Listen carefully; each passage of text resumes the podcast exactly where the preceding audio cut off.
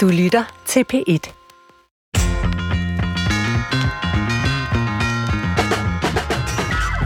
Velkommen til Brinkmanns Brix. Nu skal I høre en lille hemmelighed om mig. Den er meget lille, men alligevel. Jeg har en øh, stille drøm om at lave en masse elektronisk musik. Det er jo ikke nødvendigvis, fordi I skal høre det, kære lyttere, men fordi jeg virkelig synes, det er sjovt. Jeg brugte meget tid på det, da jeg var ung, og jeg kan huske, hvordan timerne forsvandt på en meget behagelig måde, når jeg legede med de her beats og mystiske kliklyde. Desværre gør jeg det nu alt for sjældent i forhold til, hvor glad jeg husker, at jeg blev af det. Jeg tror, den tilstand, jeg var i, kan man kalde flow, leg, måske endda lykke, og uanset hvad, så er det virkelig fedt. I dag skal vi dykke ned i, hvad der rent faktisk sker med os lige der, når vi laver noget, øh, som er en hobby, noget vi måske kan glemme os selv i. Hvad gør det ved vores sind? Og så spørger jeg dig, jeg tilspørger dig, til ret lækker Christoffer Heide Højer. Har du også et eller andet i den stil, noget hobbyagtigt, noget håndværk, håndarbejde? Nu ved jeg ikke, om man kan kalde det at lave musik for håndarbejde, men det vender vi tilbage til. Men sådan noget i den stil, der gør dig glad. Min nye hobby bliver at finde det der musik, du har lavet, og sende det Ja, ud. det findes på obskure steder Jamen, på det vil jeg internettet. bruge resten af mit liv på. øh, ja, jeg er måske mest sådan en køkkenfyr, tror jeg. Det kan godt være at ælte en dej, der kan være min hobby. Ja. Men, øh, men umiddelbart, lige når du nævner det her med sådan håndværk, håndarbejde, så får jeg jo mest, umiddelbart mest associationer til sådan noget strikke, hækle, øh, måske sløjt lokalet i folkeskolen. Altså, er, er det det, det er, når du bruger de ord? Ja, det er jo i hvert fald gode eksempler på håndarbejde og, og håndværk, men jeg bruger det jo egentlig her i en lidt bredere forstand. Jeg er meget glad for en sociolog, som hedder Richard Sennett, der har skrevet en meget stor bog om håndværk, den hedder The Craftsman, eller håndværkeren på dansk. Og han definerer det meget bredt, nemlig som en impuls til at gøre noget virkelig godt for dets egen skyld. Og det kan jo så være alt fra at bygge både til at komponere musik. Men der er jo altså et eller andet med, med hænderne, som jeg synes er interessant. Det er der ikke så meget af, når man sidder foran computeren og, og keyboardet. Der er selvfølgelig lidt, altså ens hænder er på øh, tangenterne. Men, øh, men, men, men i forhold til, hvad vi ellers tænker på med håndværk, der er kroppen jo involveret på en anden måde, som jeg også synes er interessant i sig selv, hvad, altså hvilken betydning det har. Og, og nu strejfer du det der med for dets eget skyld. Altså, skal det være i går så nyttesløst? Eller hvad, ja, hvad er sådan... Hvad er sådan Eller nytten samme- skal være indbygget i aktiviteten. Hvad vil det sige? Øh, jamen, det, det betyder, at vi ikke... øh, Altså, når jeg sad og komponerede musik der øh, efter skoletiden, da jeg gik på universitetet, øh, så var det ikke fordi, jeg skulle sælge det øh, og blive en popmusiker på internettet øh, på, hvad hed det dengang? Øh, MySpace. MySpace, ja, det var det, jeg, ja. Øh, det, det var ikke derfor. Det var noget, jeg gjorde, fordi... Nu ved jeg, hvor jeg skal lede. tak. Nå. fordi, fordi jeg, jeg nød at gøre det, mens jeg gjorde det. Ikke? Øhm, og samtidig så findes der jo normer, standarder for, hvordan man laver god musik, fed musik. Så det er ikke kun op til mig. Øh, der er en eller anden tradition, jeg også kan bevæge mig ind i, og hvis jeg er rigtig dygtig, det var jeg så ikke, men det er der jo nogle andre, der er, så kan jeg udvide rammerne for, hvordan man laver musik på den her måde. Ligesom dygtige håndværkere kan udvide rammerne for, hvordan man bygger, hvordan man strikker, hvordan man altså gør alt muligt øh, i den stil.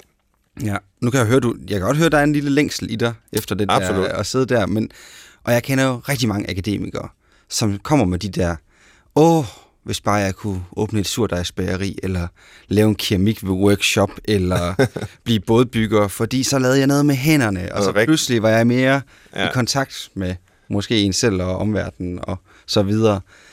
Hvorfor gør I det ikke bare? Hvorfor gør du det ikke bare? Hvorfor sætter du dig ikke der? Jamen, der er, det er lidt sjovt, og ja, med den fortolkning, du har der. Det minder om sådan noget arbejderistisk romantik, som ja. øh, akademikerne også havde i 70'erne, hvor man helst skulle være en del af arbejderklassen, for virkelig at kunne forstå, hvordan det her samfund hænger sammen. Og nu er det her så mere sådan en håndværkslængsel, men som måske er udtryk for noget af det samme. Øh, altså, grunden til, at jeg ikke gør det, det er, fordi det er ikke det, jeg er bedst til. Hverken at lave elektronisk musik, eller at åbne et surdejsbageri, eller jeg kan knap nok slå, øh, hvad er det, Mathias Tesfaye siger, at, at man skal kunne øh, slå et søm i et spejlæg, eller hvad det nu var. Øh, ej, Det ved jeg ikke. blander nogle ting sammen. Men det var det, han så overlærerne gerne skulle kunne, i, efter de har gået i, i skole. Nå. Øh, det er jeg utroligt dårligt til, men jeg tror, helt ærligt, så er den primære grund til, at jeg fortsætter i det her spor, øh, jeg har i mit liv. Ja, det, så kan jeg jo godt lide det spor, men jeg er også lidt tryghedsnarkoman, ikke? Altså, øh, jeg kan godt lide, at, at jeg gør noget, jeg kan finde ud af, og, og som der er en vis øh, sikkerhed i. Altså, hvis Mm. du spørger om, hvorfor jeg ikke bare Ja. tager ud. Jamen, jeg synes, du har vævet dig flot igennem det. Jeg tror, lytterne kan selv øh, lave deres konklusioner. Mit sidste spørgsmål det er, tror du så, fordi det er jo the million dollar question i vores psykologiprogram, alt det her flow, eller lykke, eller leg, eller fordybelse, eller hvad vi skal kalde det, man kan opnå gennem det her håndværk og håndarbejde, kan det så også være med til at få, få bedre trivsel, mental trivsel, måske endda, nu bruger jeg så anførselstegn, men kurere psykiske lidelser. Tror du, der er gaver at hente her? Absolut. Øh, jeg har en meget stærk intuition om det, og jeg har læst en lille smule om det, og jeg er sikker på, at vores gæst i dag kan fortælle meget mere om det, men, men den her intuition, jeg har, den tror jeg beror på, at rigtig mange psykiske lidelser jo sådan set har en central komponent, der består i, at man bliver selvkredsende. Øh, man bekymrer sig, man reflekterer, man mærker efter hele tiden. Altså det er meget indadskuende. Øh, og det er ikke, fordi man ønsker at være sådan. Det er, fordi man er angst eller depressiv eller noget, og så sætter det sig ligesom i ens system. Øh, Søren Kierkegaard tilbage i 1800-tallet talte om refleksionssyge, hvor, hvor det handler om, hvem er jeg, og hvad skal jeg, og hvorfor føles det sådan i mig? Og øh, når man laver havearbejde, eller når man strikker, eller når man er, synger i kor, så, så, så kan man ikke have det sådan. Altså, så er man vendt mod verden, så er man en del af noget. Øh, og det ville undre mig tror- utrolig meget, hvis ikke det havde terapeutisk værdi. Det Men tror du ikke, man kan få et angstanfald, når man står og, og klipper skuddene af sin rosenbusk, eller folder ravioli? Det er lige før, jeg vil sige nej. Okay. Det, det tror jeg er rigtig, rigtig svært. Jeg vil sige, en gang, så skulle jeg forsøge at lave et badeværelse selv. Øh, der, der tenderede det, det, det det lyder mere som inkompetence. Men det var simpelthen, fordi jeg ikke kunne finde ud af det. Ja. Så man skal jo starte i det små. Man skal ikke begynde med at bygge øh, badeværelse. Man skal måske begynde med at lave et øh, leraskebær i formningstimen. Jeg tror, vi skal have en ekspert på banen her. Lad os få det. Og eksperten, det er dig, Anne Kirketerp. Du er psykolog og forfatter blandt andet til en grundbog i det, du kalder craftpsykologi, altså håndarbejdspsykologi. Det skal vi høre meget mere om. Men først, hvordan fandt du ud af, at håndarbejde var en kilde til lykke for dig?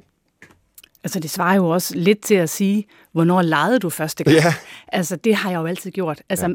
børn og alle mennesker, og det har jeg jo også, har vi jo altid... Altså, hvornår kan man huske tilbage til første gang, man stablede to klodser? Eller første gang, man tegnede? Det har vi jo altid gjort. Og jeg har jo også altid gjort det. Og det har været... Altså, der er jeg jo ikke specielt, men alle mennesker sådan helt urkraft til at holde os øh, tørre og varme og mætte. Den urkraft, som ligger i, hvorfor vi overhovedet har fået udviklet vores neurologi og alting, det er det, der sådan er den grundlæggende inspiration til at overhovedet at gøre noget og eksperimentere med ting for at se, hvordan kan jeg som menneske holde mig tør, varm og mæt. Mm-hmm. Men min første oplevelse, altså, øh, altså hvor andre mennesker, de sådan tog øh, en du over et bord og legede huler, så var jeg sådan en, der tænkte, jeg skulle ud og fælde et træ og bygge en hule. Altså, mm. jeg var ikke særlig gammel, før jeg sådan fældede træer og skulle bygge ting.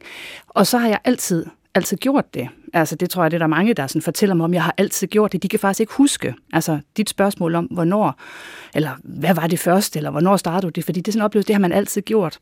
Og, og sådan den første, altså hvis jeg sådan skal tage dig rigtigt på ordet, mm. hvornår blev jeg først bevidst om, at det gjorde mig lykkelig. Så efter gymnasiet, jeg var ret hurtigt færdig med gymnasiet, øh, der startede jeg på en svensk kunsthåndværkerskole. Jeg var kommet ind allerede øh, midt i 3.G, jeg var 17 år. Og der, altså, det var sådan lidt, jeg vidste bare, jeg, jeg havde altid vidst, at jeg skulle være kunsthåndværker. Øh, så jeg har aldrig nogensinde sådan tænkt, at jeg skulle være akademiker eller noget. Men der stod jeg for første gang på Øland, på den her kunsthåndværkerskole. Og så skulle jeg væve, og jeg har egentlig aldrig nogensinde vævet før, jeg har aldrig gjort det før. Og den der vilde oplevelse af, at der var noget, jeg var dygtig til, næsten uden at øve mig. Mm. Jeg sov under min væv, og jeg oplevede alt det, som jeg jo så senere hen har fundet ud af, hvad er for noget. Altså den der fuldstændig højdepunktsoplevelse, oplevelsen af, at en hel dag kan gå, uden man har spist, uden man har opdaget, at der har været den mindste smule frygt, angst, uro, noget som helst, og man bare har haft en, altså sådan jo ikke, mens man er i den oplevelse, som du også refererer til som flow, der står man jo ikke og refererer til sig selv og mærker sådan, hold da op, hvor er jeg lykkelig. Fordi det mærker man ikke endnu. Man mærker bare, når man er ude af det, hold fast, hvor var livet bare mega fedt der. Fordi man har lyst til at lære noget, og det er mega fedt, og man er i en lang, fantastisk rejse på at være det mest optimale sted, hvor det ikke er for svært, og det er ikke for let, men alt er optimalt. Og det oplevede jeg deroppe i Sverige, og det har siden været måske det lykkeligste år i mit liv, og også det, jeg har søgt lige siden. Hvor- Hvordan kan jeg finde tilbage til det der, hvor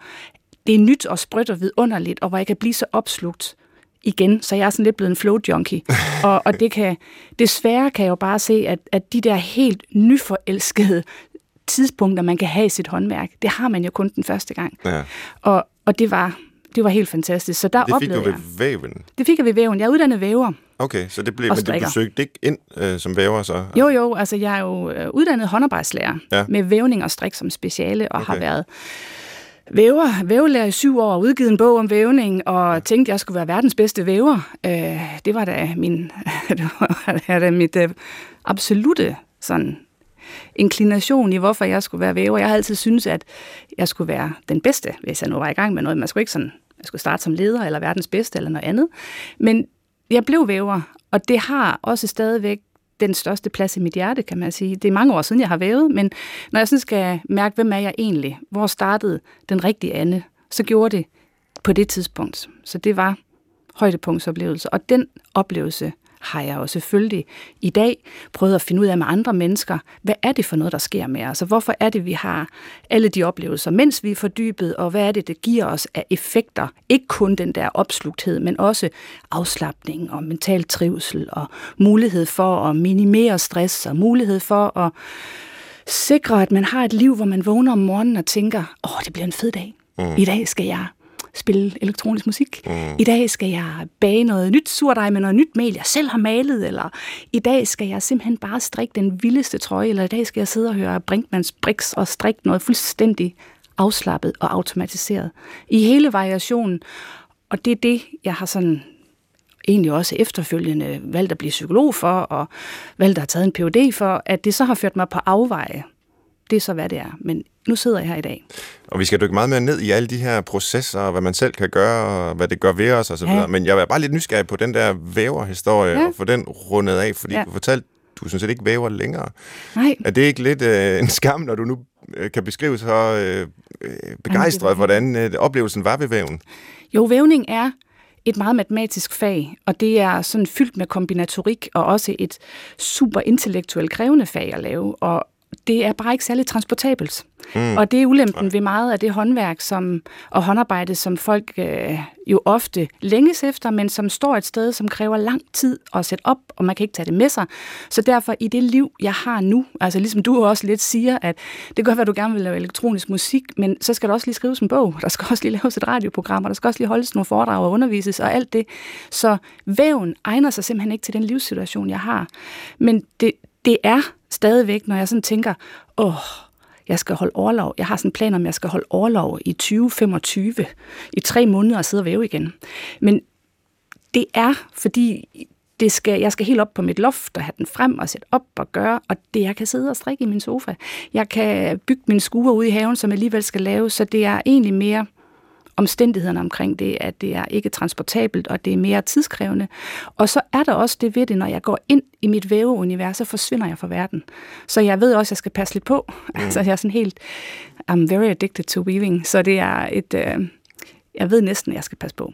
Ja. Så væven, den er sådan lidt sat på pause, Ja, lyder det til, og ja. så er det øh, Den står der og noget med, med noget strik og ja. arbejde ude i, i haven, eller Ja, hvad har du nej. sådan et repertoire af craft-aktiviteter? Har. Du... Altså jeg er nok mest øh, en øh, gør det selv person. Jeg restaurerer huse, jeg restaurerer skure. Jeg har fået forbud mod at bygge flere skure i min have. øh, og så har vi købt det sommerhus, som jeg har sat i stand. Og altså alt fra at male og lave øh, alle mulige rør og ting og sager og sætte fliser op og gøre. Altså jeg elsker at bygge ting og gøre ting første gang. Og sætter ting i stand på den måde, og det er helt fantastisk. Og så strikker jeg, fordi strikning har, og det er jo også derfor, så mange er begyndt at strikke i dag, fordi det er så utrolig let at variere i alle mulige typer af sværhedsgrader. Man kan lave noget, der er helt automatiseret, som er noget, der egner sig til at koble sammen med andre aktiviteter og at lytte, og man kan lave noget, der er så absorberende og svært og fuldstændig opslugende, så man får de vildeste højdepunktsoplevelser af det. Så det kan gradueres på en meget nem måde, og så er det transportabelt. Og det er meget, meget stor kvalitet ved strik. Så udover din egen historie her, som jo er, er virkelig god at høre, og alle de ting, mm. du kan, er mm. fascinerende, så har du set en hel masse andre mennesker Ja. lave håndarbejde og håndværk og komme ja. i gang med det. Altså. Ja. hvad sker der typisk for et menneske, der måske ikke... Hvis nu det var mig, mm. øh, jeg strikker ikke, og jeg kan ikke lide at bage, og det gik galt, da jeg skulle lave badeværelse selv osv. Hvis nu jeg skulle i gang, hvad, hvad tror du så, det ville ske med mig? Altså nu er du jo ikke en typisk person, fordi at, øh, jo selvfølgelig, hvis du virkelig gerne vil i gang. Ja. Men altså, det er jo altid... jeg på en måde godt. Ja. Men det, der sker ved mennesker, når man begynder på noget, så skal man selvfølgelig gøre noget typisk. Altså, man kan også sige det, vente om at sige, det jeg har forsket i i starten, det var det passionsdrevne håndværk okay. og håndarbejde. Ja. Altså, jeg startede med at undersøge dem, som identificerer sig selv som nogen, der har en passion for håndarbejde eller håndværk. Og en passion er kendetegnet ved, at aktiviteten er belønningen. Også lidt som det, du var inde på i starten. Altså der, hvor man ikke glæder sig til at få den overstået. Og, og nu kan man sige, eller jeg startede med at undersøge dem, som har en passion for noget allerede. Altså ikke sådan som det, du spørger, hvad var nu, hvis jeg skulle i gang? Men jeg kan jo se i dag, at meget af det, også undersøger, og det, der sådan er blevet udvidelsen af craftpsykologi, det er de vrangvillige. Og så måske også dem, som tænker, jeg har det dårligt og skidt, men jeg har endnu ikke en passion for noget, eller en interesse for noget. Hvordan kommer jeg i gang? Så det er sådan de to dele, men hvis jeg skal svare på dit spørgsmål om, hvad vil der ske med mig, hvis jeg gik i gang? Lad os sige, at du virkelig gerne ville. Du vil gerne til at måske snitte, eller mm. sidde ude i naturen og lave bålmad og sidde og snitte imens. Det, der vil ske, og det, som jeg har hørt gennem de, altså jeg har spurgt 1000 mennesker og fået 200 meget lange svar, og interviewet, dybde interviewet 30 mennesker, og læst jo alt, hvad der nogensinde er skrevet om sammenhæng mellem håndarbejde, håndværk og sundhedsfremme, og der var kun cirka 400 artikler. Så den dag kunne jeg godt, eller den tidsrum kunne jeg godt. Men det, der sker typisk, det er, folk rapporterer, at de får en oplevelse af, at øh, tiden for en stund er deres egen. De har sådan en boble af egen tid. Det er mange, der beskriver. Og så er der mange, der også oplever, at der ikke er tid til at gruble negativt. Der er den her afstand fra ens egne problemer, som du også er inde på. Og den her, som folk måske ikke så meget er bevidst om, men i det øjeblik, man begynder at lave noget materialitet, altså bruger hænderne. Så fordi at 30 procent af vores nervebaner i hænderne er allokeret til øh, cortex, altså cortex bruger simpelthen 30 procent på at styre hændernes motorik, så man er meget allerede sådan lidt upfront, øh, klippet meget i den her default mode network, det er altså, hvad kan man sige, det selvbevidsthedsnetværk, hjernen har. Og i det øjeblik, man begynder at lave noget svært muskulært krævende, jamen så er man også klippet i default mode network. Og det vil sige, at mange også fortæller, at og oplever intuitivt og også helt konkret jo, at man for en stund ikke tænker på sig selv, og ikke har den her, som du selv også siger, altså den her selvoptagethed, eller de her indre negative grublerier, som er vigtigt for os. Altså når vi når vi kun får stimuli indefra, og vi ikke sidder og laver andet end at sidde og tænker, nøj, hvor skal jeg slappe af og lave ingenting, så begynder det her default mode network at være meget aktivt. Vi begynder at have negative grublerier, og begynder at tænke på alle mulige ting i fremtiden, som kan være farlige, eller hvad vi burde have gjort i går, og alle mulige andre menneskers reaktioner på os. Og det er sundt og godt, fordi det er det, der gør, at vi får købt sko til vores børn, og vi får planlagt den der tur på øh, Molskronen, at vi ikke bare pludselig dukker op og tænker, nå, er der ikke plads til os? Fordi default mode network, det skal prøve at minimere fremtidige katastrofer, men det er ikke særlig fedt, hvis man er for inaktiv og for stillesiddende og har for meget tid til at sidde og gruble over sig selv, fordi det, der dukker op og på overfladen, det er ofte bekymringer om noget, man ikke nødvendigvis kan gøre noget ved. Så det at vide, og det som mange fortæller om som den største effekt i virkeligheden, det er den her oplevelse af, at man for en stund bliver fuldstændig frisat. Og så kan det glide over i at blive så opslugende, altså en reel flow-oplevelse, at man bruger alt opmærksomhed på en aktivitet uden for sig selv. Og så får man masser af dopamin.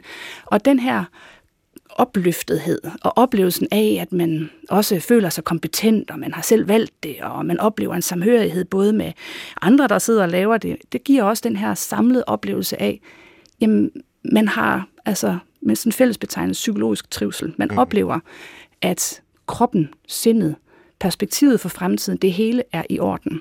Og så får man også reelt, og det kan man jo måle, fordi når man laver de her rytmiske bevægelser, hvis du begynder at sidde og snitte, eller hvis du sad og strikket, eller bagte, eller lavede keramik, eller andre ting, så vil du få, på grund af de her rytmiske bevægelser, man sidder og laver, så laver kroppen det, der sådan hedder et afslappningsrespons. Altså, at hvis man er i flow, eller hvis man sidder og laver ting, som egentlig er måske lige underkanten af flow, og så laver noget helt rytmisk, repetitivt, så tror kroppen, at øh, når jeg kan sidde her og være afslappet, og ikke have en masse negative grublerier, jamen, så er der heller ikke fare på færre. Så er der ikke en sabelkat, der er ved at tage mig, eller jeg er ikke ved at blive truet og presset udefra, så så kan jeg godt sænke mit respons i mit sympatiske nervesystem og aktivere en anden del, nemlig det parasympatiske, som er mere sådan rest and digest. Så, så her er vi inde i processerne, der aktiveres, ja. når man er ja. med hænderne i noget ja. materiale, og, og stopper med at gruble og reflektere ja. over sig selv hele tiden. Ja.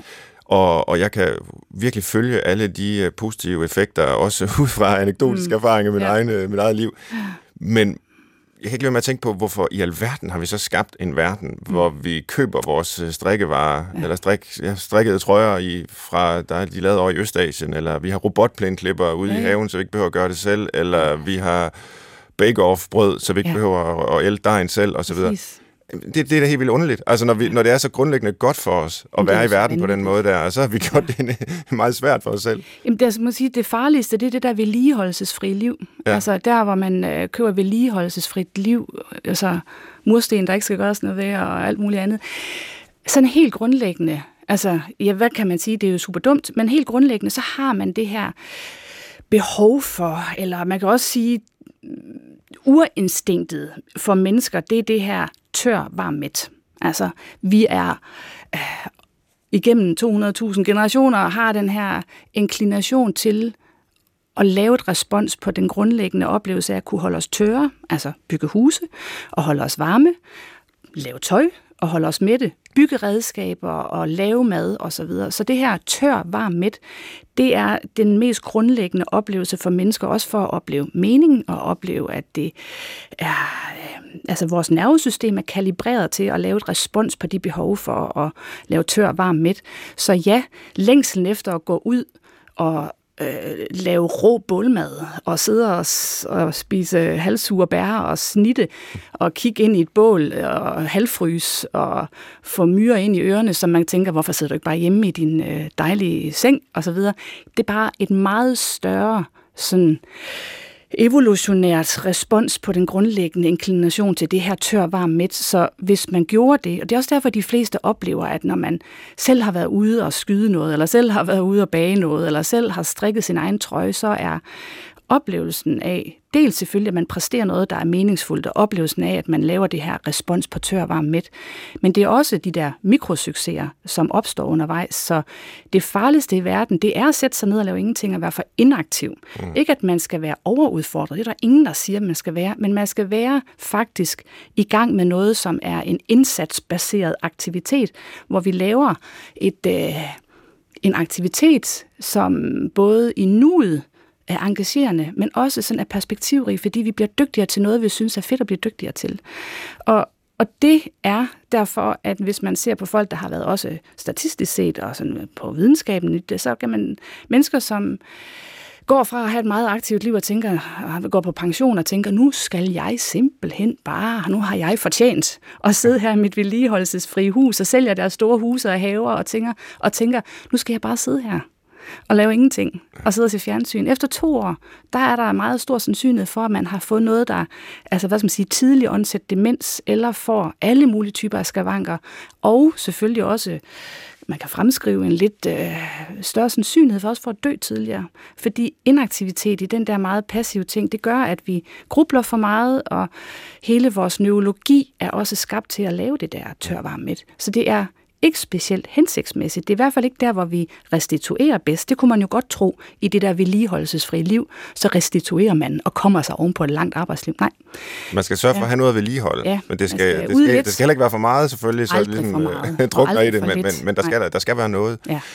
Når vi så taler om uh, craft, og det uh, handler din bog jo blandt andet om her, mm-hmm. hvad, hvor bredt er det begreb? For eksempel ja. min uh, elektroniske musik ja. der, vil det falde ind under craft, eller vil det trods alt kræve en anden form for håndnødhed? Jeg forstår godt de spørgsmål, og det er alt det, vi laver, altså jeg definerer craft som alt det, vi laver med hænderne, alt det, som ja. indebærer et output med en eller anden form for materialitet. Ja.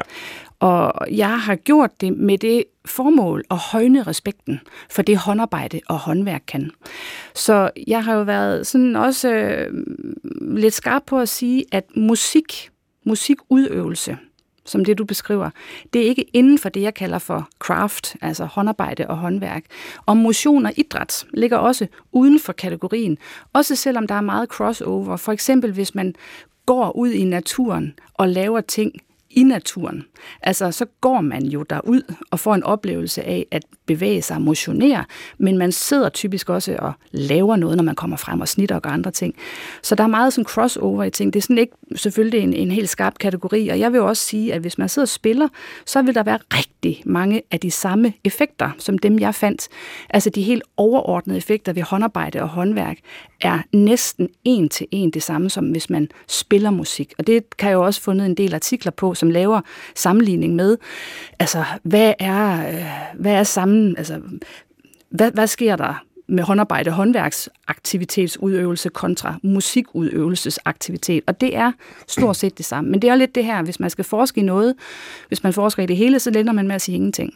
Så jeg har gjort det og sagt, at der er rigtig meget både artikler og videnskab og respekt omkring musikudøvelse, og det er der så sandelig også for, altså for motion og idræt. Ja. Men der var, som sagt, altså, jeg fandt uh, cirka 400 artikler om sammenhæng mellem håndarbejde, håndværk, og sundhedsfremme. Og til sammenligning er der 80.000 artikler om sammenhængen mellem motion og idræt og sundhedsfremme. Og, og der er altså også en, nu kender jeg ikke lige de præcise tal for musik, men musik er et område, som har meget mere forskning bag sig. Ja, ja. Så jeg tænkte, på, de, på mit de har det fint har vi nok. musikterapi som en uddannelse, det har man som nemlig. er succesrig og, og velunderbygget og alt det der. Ikke? Ja. Men, men der er jo ingen uddannelse på noget universitet nej. i, i håndarbejdspsykologi. Nej, eller, nej. nej.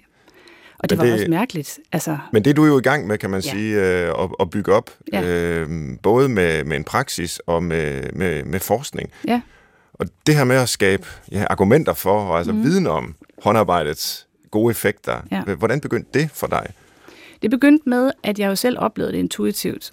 Og så, så har jeg også sådan en sådan virkelig sådan mærkelig oplevelse af, at jeg blev sådan også selv drevet væk fra at være håndarbejdslærer, og jeg var en dygtig håndarbejdslærer, og jeg elskede at væve, og så sad alle de der mange kvinder jo og græd og græd og græd, fordi de også oplevede, at gud, sådan kan livet være.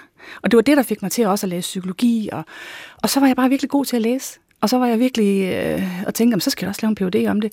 Og så kom det der mærkelige sidespor, hvor jeg det der træk med, at det er finere at være akademiker, end at være altså, sådan lidt tilbage til, at hvis man...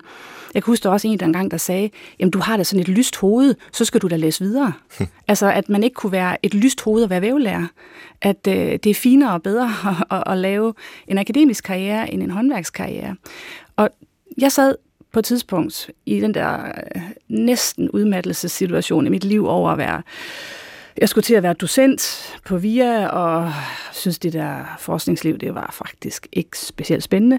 Og så var der en mand, jeg havde været ude og holde foredrag på en konference, som jeg sad der i loungen, jeg skulle til at flyve hjem, og han havde også været på konferencen, og så sad jeg der og strikkede, inden jeg skulle til at flyve. Og så kom han hen til mig og sagde, ej, det er da rart at se, at du ikke kun er et lyst hoved, du kan også noget med dine hænder.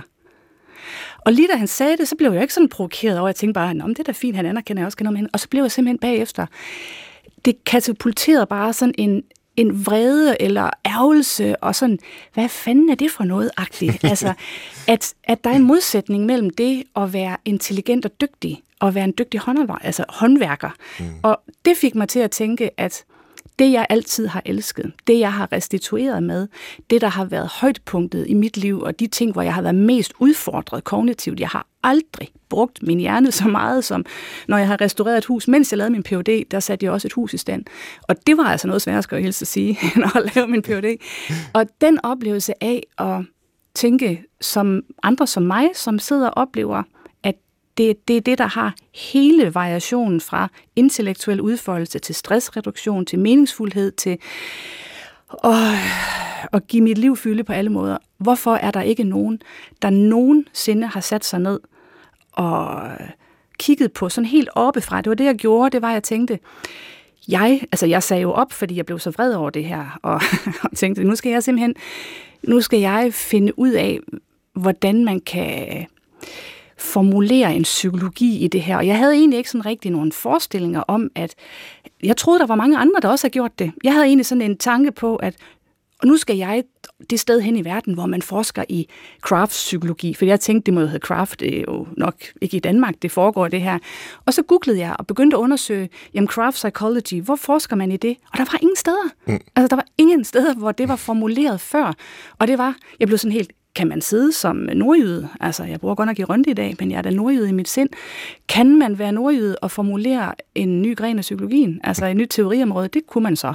Ja. Fordi det underlige og mærkelige er, at det ikke har været samlet sammen. Altså hvis man spørger mennesker, laver et fuldt litteraturreview og gør det hele og kigger på det hele ovenfra, ikke kun de anekdotiske fortællinger, men det hele teoriapparatet, hvad er det så for nogle overordnede effekter, folk beskriver, de får ud af at lave håndarbejde og håndværk. Og det er så blevet til den her model, jeg har lavet, eller det her område, som jeg vælger at kalde for craftpsykologi. Og det kan man sige, alle andre områder, når de bliver modne, altså sportspsykologi, dyrepsykologi, salgspsykologi, altså organisationspsykologi. De fleste områder får på et tidspunkt en psykologi, der beskriver komponenterne i den mentale effekt på det.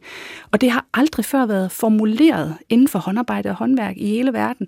Så, så det er jo også sådan, og jeg kan også se, hvordan det, så bliver jeg jo kontaktet af udenlandske medier, der også sådan, hvad er det, du har gang i? Mm. Altså, at det er næsten sådan underligt, og, og sådan helt næsten, jeg blev sådan helt næsten flov over at tænke, øh, hvor, hvorfor skulle det lige være mig, der skulle definere det? Altså, hvor var de der ansvarlige voksne, der havde formuleret det noget før? Så, så, så det, altså... Det er sjovt at tænke på, hvordan psykologien ja. øh, opstår som behandling, ikke også for jo.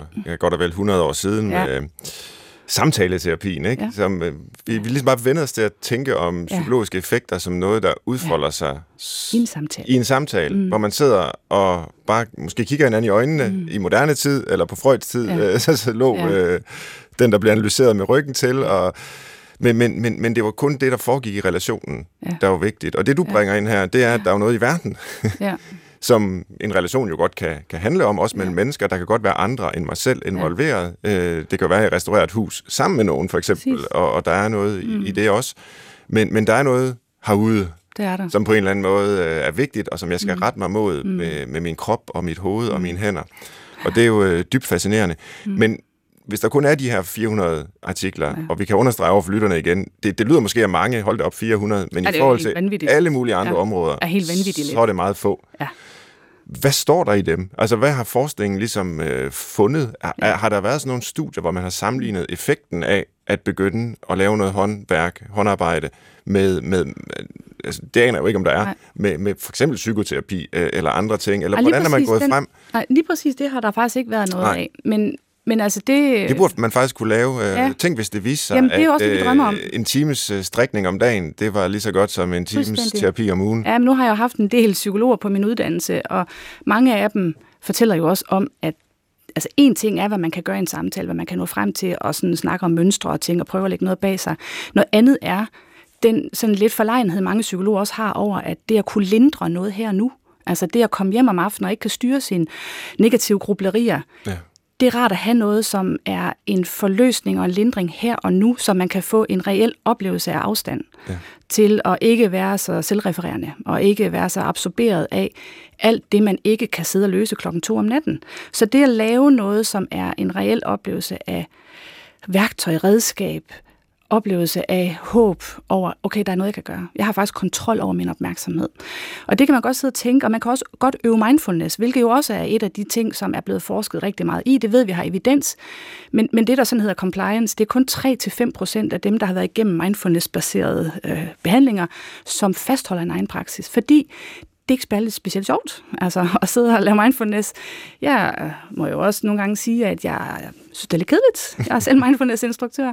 Og øh, det, jeg så fandt ud af, det er jo, at kombinationen af det, hvor man sådan kan man sige, øh, hjælper den naturlige impuls i nervesystemet til at gøre noget og få klippet det her område hjernen, default mode network, det her selvrefererende eller gruble-netværk, kunne man også kalde det, det gør, at det er en oplevelse af, at vi har kontrol. Men, men det her, altså ja, hvad, hvad, hvad litteraturen sagde og hvad jeg fandt, jamen overordnet set, hvis man kigger ned på alle de her effekter, alle dem jeg spurgte, så, så tegner der sig sådan et mønster af nogle overordnede fem effekter. Og faktisk er det kun fire, fordi den ene effekt, den opdager man ikke, men den største effekt, det er helt klart oplevelsen af flow. Altså det er det, som alle beskriver. Mm. Alle artikler, alle dem jeg spurgte, fortæller om med andre ord end det, som flow-teorien måske beskriver, men det er den her fuldstændig opslugthed, at man sidder og for en stund glemmer sig selv. Og fordi der er meningsfulde ret, altså der er meningsfulde mål, og der er en perfekt balance mellem udfordringen og de færdigheder, man har til det, så man er ikke stresset angst, og man sidder ikke og keder sig.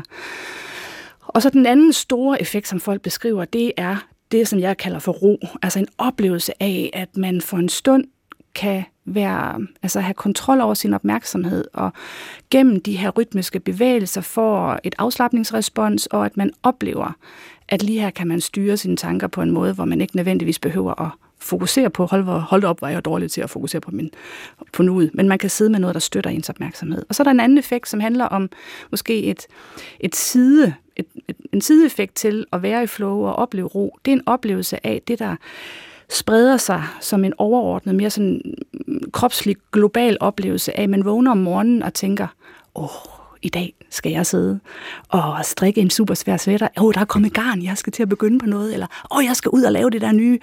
Dej, og så har man håb og glæde og interesse. Man har noget at glæde sig til. Man har noget at glæde sig til, man har alle de her altså, emotioner, som er positive. Ja. Og det og den, den sidste effekt, den sidste sådan egentlige oplevelseseffekt, som man også beskriver, som jeg også har fundet, det er den her oplevelse af at præstere noget, der er meningsfuldt.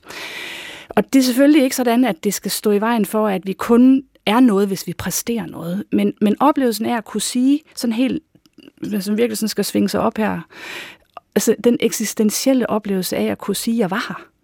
Jeg har lavet et artefakt, altså det her tør, varm, mæt. Også oplevelsen af, at man kan sige, jeg har lavet en trøje til nogen, som kan ringe til mig og sige, ej, jeg tænkte på dig, fordi jeg havde din trøje på. Så tænkte jeg lige på, hvor meget jeg elskede dig. Eller at man kan opleve de her mikrosucceser og tænke, jeg bliver dygtigere, og at man kan mærke, at man bliver dygtigere. Det er mere diffust og svært at se, hvis man laver akademisk arbejde. Men craft kan man se, at man kan se fra start til slut, man kan se mikrosucceser, man kan få den her oplevelse af at præstere noget. Og den sidste effekt, det er det her med, at man, jamen, kapacitet. Altså der, hvor hjernen virkelig, virkelig bliver udfordret, det er, når man skal lære noget nyt. Og det er sjovere at lære noget nyt, hvis det er, fordi man virkelig gerne vil være god til at lave computermusik, mm. eller virkelig gerne vil være god til at lave en italiensk afslutning. Det ved du ikke, hvad er. Men, øh, Min kone lavede en i går. Ikke også? Så jeg ved faktisk, hvad det er. Og der sad hun sikkert også og sagde... Og det kan jeg sige, det er... Ah, det var svært. ja. Og det er, det er inden for strikkeverdenen, kan vi sige til lytterne. Det er inden for strikke. Det er en meget fantastisk, flot øh, afslutning på strikketrøjer. Ja. Og den oplevelse af at blive kaldt på, altså reelt nye synaptiske forbindelser. Der er jo ikke nogen, der sidder, mens de strikker. Din kone sad nok heller ikke i går, da hun sad og lavede en italiensk afslutning og sagde, hold da op, der fik jeg en ny synaptisk forbindelse. Altså, det gjorde hun nok ikke, men det er det, der sker. Mm. Så lysten til at lære noget nyt er også det, der spændstigt holder en hjerne. Det skal ikke være noget, man er, altså, ikke hader at gøre, men det er nemmere at fastholde en lyst til at lære noget, der er interessant og meningsfuldt nyt, hvis det bygger oven på en passion. Så det er nogle virkelig vigtige ja. øh, effekter, ja. nogle komponenter her, ja. hvor det jo er evident, kan man sige, ja. at det at være i flow, og det at have ro, Præcis. og så videre, ja. det, er, det er sundt psykisk set. Altså, det er jo... men, men er der også studier, er man nået så langt, at man har målt på, altså kan det reducere symptomer, for eksempel hvis man har en depression, eller angst, eller noget i den stil? Øh, eller det er jo ligesom en anden måde at forske Præcis, i det på, ja. ikke også, hvor man går mere ja. over i den sundhedsvidenskabelige ja, tilgang. Og det er jo så det, jeg har gjort, og det kan man sige, det er sådan uh, hoveddelen af min, af min bog, det handler om de ting, som man kan sige, der kan være udfordrende for mennesker. Altså der, hvor man har mistrivsel. Hvad er det så, man kan bruge craft til for at understøtte en, en mulig holdelse af mistrivsel. Og, og den bagvedliggende komponent i stort set alle psykiske og fysiske sygdomme er stress. Altså stress er sådan set bare kroppens respons på enhver stresser. Altså, det ved du alt om. Øh, så, så uanset om man har smerter, eller man har bekymringer, eller grublerier, eller angst, eller psykiske sygdomme, eller har spiseforstyrrelse, eller har noget andet, eller misbrug, så er grundtilstanden i kroppen stadigvæk stress. Altså en aktivering af et respons på her fare på fære. Altså et meget aktivt sympatisk nervesystem, som hele tiden prøver på at få kroppen til at, åh, der er noget galt, du skal holde vågen, du skal være i gang, du skal kigge på, der er trussel, der er trusselsbilledet er højt her, nu skal vi i gang. Så det her konstante overexciteret, som man kan kalde det, sympatiske nervesystem. Og det kan på sigt, altså på kort sigt er det jo super godt, men på lang sigt, hvis man bliver ved med at have de her man har for meget på tallerkenen i livet, man har et arbejdsliv, der er for svært, man har en oplevelse af, at man er forkert og dum og dårlig, og man synes, man er for tyk og grim, og man synes alt muligt. Det her trusselsbillede inde i kroppen, som laver et langvejt negativ stresstilstand, det er, hvad kan man sige, komponenten i stort set alle psykiske og mentale fysiske sygdomme. Så hvis man behandler det, kan man sige, hvis man går på det og får nedbragt generelt stress i kroppen, Og det kan man jo ikke, altså vi kan jo ikke øh, løse krig og død og ødelæggelse i verden, så på den måde kan man jo sige, så bliver det jo symptombehandling. Men hvis man... Øh, man kan godt forestille sig, at Putin ja. sidder og strikke det ville bare være så fedt. Altså, og, er der nogen... Øh, jeg, jeg tror, han ville... Øh... Bernie Sanders, han sad jo ja, han, Han sad faktisk og hæklede, man skal ja, helt korrekt. Ja, han hæklede vand ja, ikke? Jo. Ja. Og det er der mange, der gør, og det er... Jeg tror da, det vil skabe en bedre verden, men øh, det, det er selvfølgelig svært at vide. Men hvis man, hvis man sådan kigger på, komponenten handler om, okay, det er stress der. Okay, hvad gør vi så med det? Grundlæggende for at få nedbragt stressresponsen i kroppen, så kunne man jo godt tro det, som vi også snakkede lidt om før, så skal man lave ingenting. Altså det er jo manges, og jeg plejer sådan at kalde det, det er lorterådet. Altså det der lorteråd, som der er nogen, der giver altså sine børn, eller som gå nu hjem og lave ingenting ja. og slappe af. Og så sidder man der og laver ingenting og slapper af og tænker, hold da op, hvor skal jeg bare slappe af, for jeg har jo fået at vide, at jeg skal passe på mig selv og lave ingenting. Og så sidder man der og kigger på, åh, oh, der er også rodet derhen, åh, oh, jeg burde også den der også. Og det er meget svært med et, altså kun med selvreference på sig selv ja. og slappe af, fordi så laver man faktisk et indre induceret stressrespons. Så hvis man i stedet for, hvis man sådan tænker, at craft har den effekt, at man kan få klippet det her default mode network. Så man med det samme faktisk kan få sagt til kroppen, der er ikke noget brug for et meget aktivt default mode. Der er et afslappningsrespons, også kvæg det, at man sidder og laver rytmiske bevægelser, som laver, altså ligesom du sikkert også kender, øh, du har mange børn, altså hvis man, øh, hvis man får et nervøst barn i armene, så det vi gør helt intuitivt, det er at vugge dem. Fordi rytmiske bevægelser, det er også derfor, vi bliver døsige, når vi sidder i en bil eller et tog, fordi rytmiske, repetitive bevægelser aktiverer det parasympatiske nervesystem. Så det gør vi intuitivt. Og det at sidde og lave noget stort set alt håndværk indebærer rytmiske repetitive bevægelser. Så der er en, en, en sådan umiddelbar instant oplevelse af lindring, aktivering af det parasympatiske nervesystem. Og man kan måle, at når man sidder og laver de her repetitive bevægelser, så falder hjerteslaget med 11 slag i minuttet. Og så begynder man at trække vejret lidt dybere, og dybe vejrtrækninger, det klipper det sympatiske nervesystem. At man kan ikke trække vejret meget dybt og producere adrenalin for eksempel. Og det er jo godt at vide, hvis man er under vandet. Det har jeg taget mhm. dykkercertifikat, og der lærte vi jo, at hvis man er ved at få et panikanfald, så skal man trække vejret dybt, fordi så kan man ikke, hvad skal man sige, få panikangst. Mm. Så det at vide, at det kan godt være, altså, det går begge veje, at når kroppen er meget angst, så begynder den at trække vejret hurtigt og begynder at producere adrenalin. Men det går også den anden vej, at hvis man trækker vejret dybt, så begynder kroppen, fordi at vagusnerven bliver aktiveret, og producerer et stof, der hedder, øh, øh, hvad hedder sådan noget, øh, ja, nu har jeg lige glemt ordet, Acetylkolin hedder det. Det hedder også vagusstof.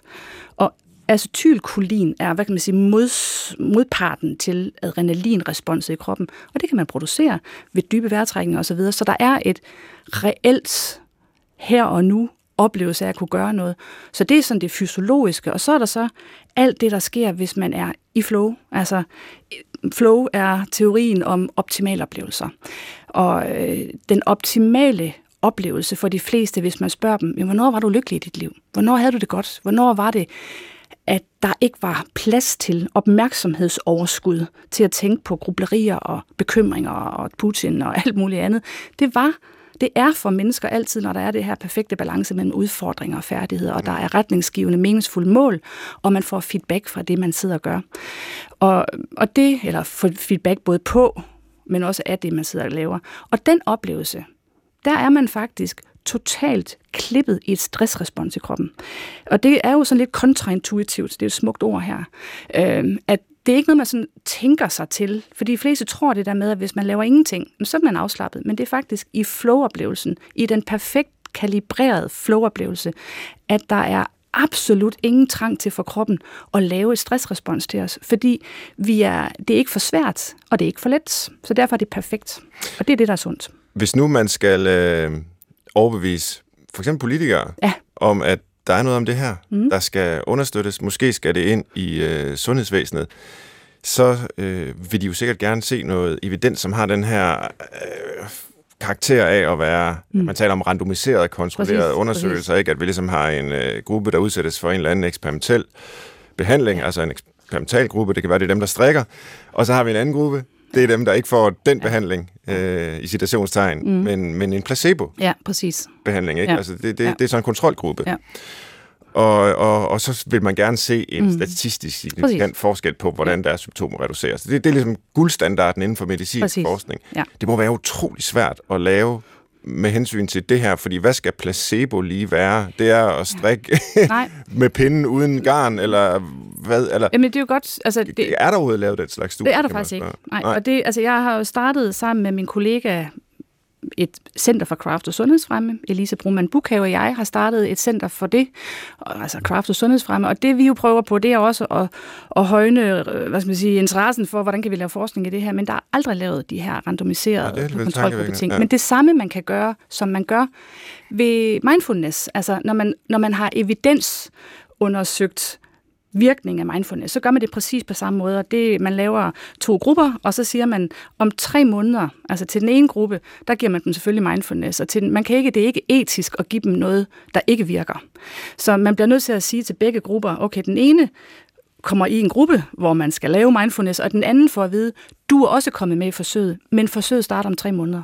Mm. Så det er på den måde, man kan lave effektstudier med kontrolgrupper af at ja. lave noget, fordi man, man kan jo ikke sige... venteliste. Ja, øh, og så ja. ser man selvfølgelig, sker der noget, og selvfølgelig kan sådan øh, øh, middagen i Molskron med søskende give nogle effekter, men alt andet lige, hvis man laver store nok studier og nok, så vil det være hvad skal man sige, ikke til med. Så så kan man godt undersøge, om den egentlige behandling, altså mere ved at have noget, og det er også det, vi prøver at arbejde på, det er at lave altså de virksomme elementer i at lave craft. Hvor lang tid skal en intervention vare? Hvor svær skal den være? Hvor høj og lav struktur skal den have?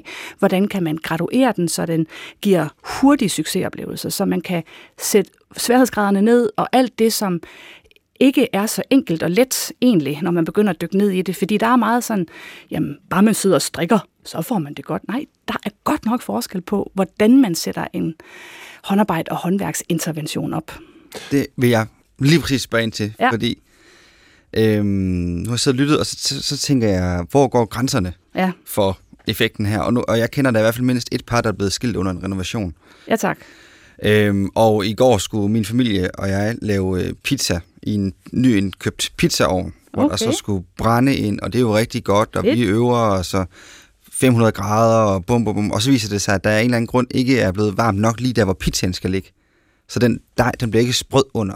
Ej. Og det diskuterer vi, og det bliver nærmest en lille... familiefejl. Så det er en familiefejl, ja, som er bedst. Nogen, øh, nogen, også sørge for. Og... nogen gemmer sig, og nogen diskuterer, ja. og vi sidder stadig og spiser den der lidt halvbagte pizza. Men, øh, og det er jo træls. Det er ikke det er en succesoplevelse. Det, det er jo måske træls. for svært, og Svends øh, ja. badeværelse der øh, var ikke det er i hvert fald ikke nok, han selv gjorde det. Hva, hva, hvor er de her, altså, ja, hvad er grænserne for mm. den her behandling? Det er at være opmærksom på, hvis det skal have en virkning, som er alt muligt andet, så skal man jo kende til ingredienserne i, hvad der er det virksomme. Og at lave en for stor udfordring, altså start med noget, som man ikke har øh, færdigheder til, altså så er du faktisk også over flow-skalaen, kan man sige. Så er du oppe i det område, som sådan er angst og stress. Altså hvis udfordringen er for stor i forhold til dine færdigheder, så vil du opleve Øhm, altså, stress. Øh, så jeg tænker, hvis man målte på jer efter den der fiasko-oplevelse, så ja. vil man kunne måle, I var nok lige lidt forhøjet i stressrespons i kroppen. Så det var ikke en, en god oplevelse for jer, kan man sige. Så der skulle have været en, kærlig pædagog, en kærlig lærer, som, øh, som havde lige sagt, okay, nu sætter vi lige udfordringen lidt ned her. Eller en pizzaiolo, der kunne sige til os, I skal ja. gøre sådan her. Eller man skulle have startet et andet sted med noget, der ikke var for svært. Ja. Altså, og det er jo det her, som det hele tiden handler om, at få det, at man starter med noget, som vi også kalder for low entry. Altså, hvis man ikke har nogen forudsætninger for noget, så er det ikke sundhedsfremmende at sidde og strikke en mega svær petitnitsvætter. Altså, det er ikke sådan, at det at strikke er sundt. Det at lave noget, der passer til ens færdigheder, det er sundt. Og der skal man vide noget om, hvordan man kan justere op og ned og sætte udfordringen ned, eller give folk en oplevelse af, at du skal lige blive ved 10 minutter mere. Du skal lige altså give sådan lidt psykoedukation på at fortælle, at den her frustration, du er i nu, den er sund. Men lige så stille, hvis man kompetencer sig ind i flow, så får man oplevelsen. Men hvis jeg havde været der i går og hjulpet jer, så ville jeg også have sagt, at Jamen, den her oplevelse skal vi lige måske, øh, indtil vi ved noget mere om elektriske kredsløb, eller om hvordan man får brændefyret noget, så skal vi måske lige gøre noget andet inden. Altså, I har simpelthen startet et for, for, for højt og forskært sted. Jamen, det er meget kendetegnende, ja. mig og min familie. Ja. Vi har jo tit, uh, Anne Kirkesab, forskere herinde, som uh, arbejder med måske nye, uh, ja, ny forskning inden for forskellige områder, og, og de vil selvfølgelig helst udtale sig om det, vi ved i dag, Ja, og ikke så meget for at sige, hvad kan det her blive til? nej. Og, men det vil jeg alligevel spørge dig Ja. om. Og for nylig der havde vi en, en forsker inde, der arbejder med, med, med tarmen, og Ja, der er en ja. anden sammenhæng mellem det psykiske og tarmfloren osv. Det er spændende. ja, det er nemlig enormt Meget, meget spændende, og spændende. det er også ligesom det her område, Præcis. noget, der ligesom er i sin vorden. Ja. Det er ikke så langt Mhm. endnu, Nej. men der er alligevel nogle lovende, Meget lovende. studier og alt Ja. muligt, det måske kan blive til. Præcis. Så jeg vil, jeg vil forfølge det spor lidt her til sidst mm. og spørge dig, hvad, hvad tror du? Altså, nu har du mm. selvfølgelig arbejdet med det og er begejstret for det, og det ja. Smitter også, og, ja. øh, så der er selvfølgelig en form for bias der. Mm. Men hvis du alligevel skulle, øh, skulle spekulere lidt, altså, Ja. jeg kan også spørge, hvis vi mødes igen om fem eller ti år, og der er lavet de der randomiserede, kontrollerede ja. studier og Ja. sådan noget, altså, hvor langt tror du, man kan komme med det her i forhold til psykisk velbefindende og behandling af mentale lidelser og sådan noget? Jamen, Vi kæmper for, og jeg kæmper for at lave det, jeg vil kalde for medicinsk craft. Altså få det gjort muligt at få en recept på. Altså få en intervention, når man kommer til læge eller psykolog eller i det professionelle system. At kunne få en recept på, ordineret kraftinterventioner på linje med, at vi i dag får recepter på, eller bliver ordineret motion og idræt. Fordi det er sådan lidt i dag blevet løsning på alt, altså både mentale og fysiske sygdomme, at vi får at vide, at du skal gå en tur, du skal løbe en tur, du skal lave motion og idræt. Så, så det vi kæmper for, og det jeg sådan har som vision og mission, det er, at vi skal have fundet og understøttet de, altså, blandt, altså lavet nogle studier, og lavet mere forskning på, og i hvert fald fundet dem frem og få det gjort tydeligt, at hvis man øh, har kræft, hvis man skal rehabiliteres efter et kræftforløb, eller rehabiliteres i det hele taget, så kan man blive ordineret craft og lave det her medicinsk craft, så man ved komponenterne, hvor lang tid skal en intervention vare, hvor svært skal det være, eller lave noget, øh, det kunne også være med altså øh, folk, som har været udsat for overfald andre steder, hvor vi også er begyndt at lave forskning på, og så lave noget, som man kan kalde for akutkits. Altså lave noget, hvor man kan modvirke oplevelser af PTSD efter overfald. Altså hvad er det, man kan gøre her og nu, altså så man ikke øh, får øh, utilsigtede langvarige skader af noget, der sker et overfald. Og det er meget svært at finde noget, som kan tage de her ting, der kan medvirke til PTSD-forløb.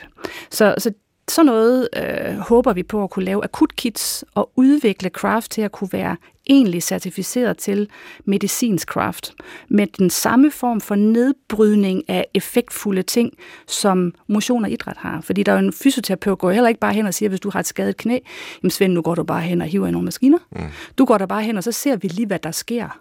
Altså, han ved jo også, hun ved jo også præcis, at du skal have 16 kilo på, du skal lave det her 14 gange, og vi skal have trænet lige præcis den der muskel, så du kan få en ny optræning af det her muskelgruppe omkring dit led. Og det er også det, vi gerne vil med Craft. Kunne lave en beskrivelse af de, sådan som vi også arbejder lidt med, sådan seks forskellige komponenter, som man kan graduere craft-aktiviteter med.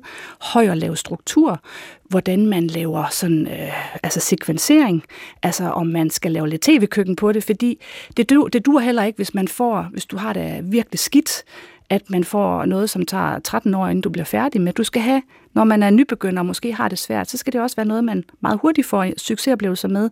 Også det her med, at det, det er ikke finere at selv at finde på craft. Det er lige så fint at lave noget, som jeg kalder for rekreativt. Altså, at man gør noget, hvor det er trin for trin, hvor man ikke selv skal finde på altså man skal ikke selv finde på alle elementerne i det. Ligesom Lego er også fantastisk og skønt at lave, men du skal ikke selv finde på det. Du er beskyttet i, at der er trin for trin forklaringer. Og de her viden om, hvad kan man gøre, så vi på sigt kan få at når man kommer til læge og har stress, har uro, har angst, og men også, at man bare har måske ensomhed, muligheden for at ordinere aktiviteter, som gør det nemt at være sammen om noget fælles tredje.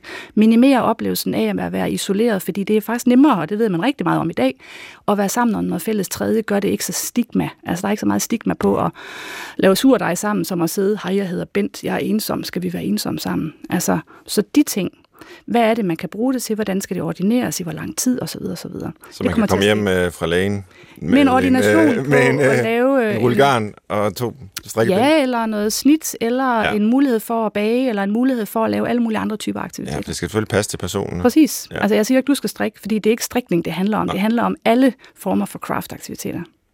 Det er modtaget. Og til sidst, øh, Anne, så har vi øh, vores traditionsrige liste oh. i dag med tre gode grunde til aldrig at dyrke et håndværk. Og det kan jo være svært at, Og det bliver tungt, det her. at Svend. formulere det. Ja, det bliver tungt. Ja.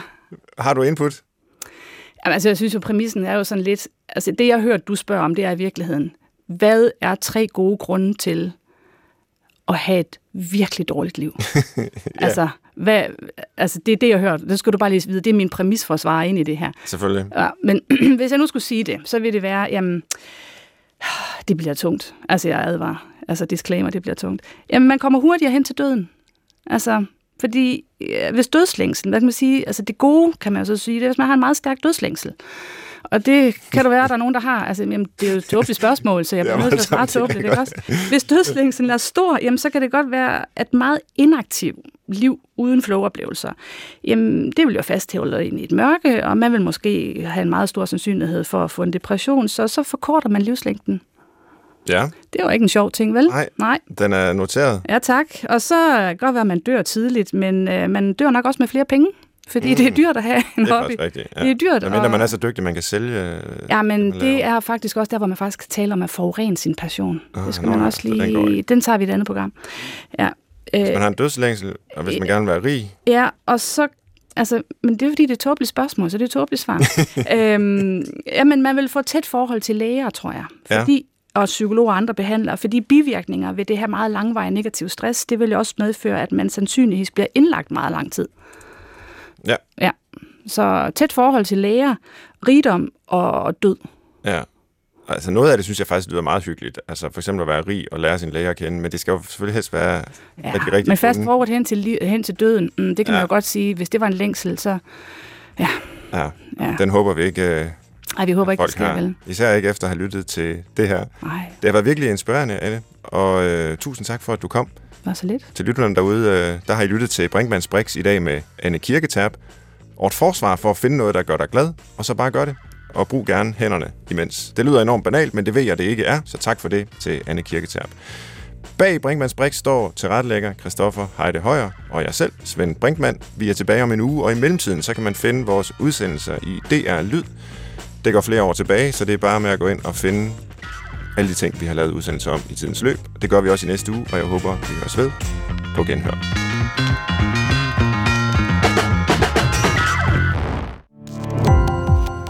Gå på opdagelse i alle DR's podcast og radioprogrammer. i appen DR Lyd.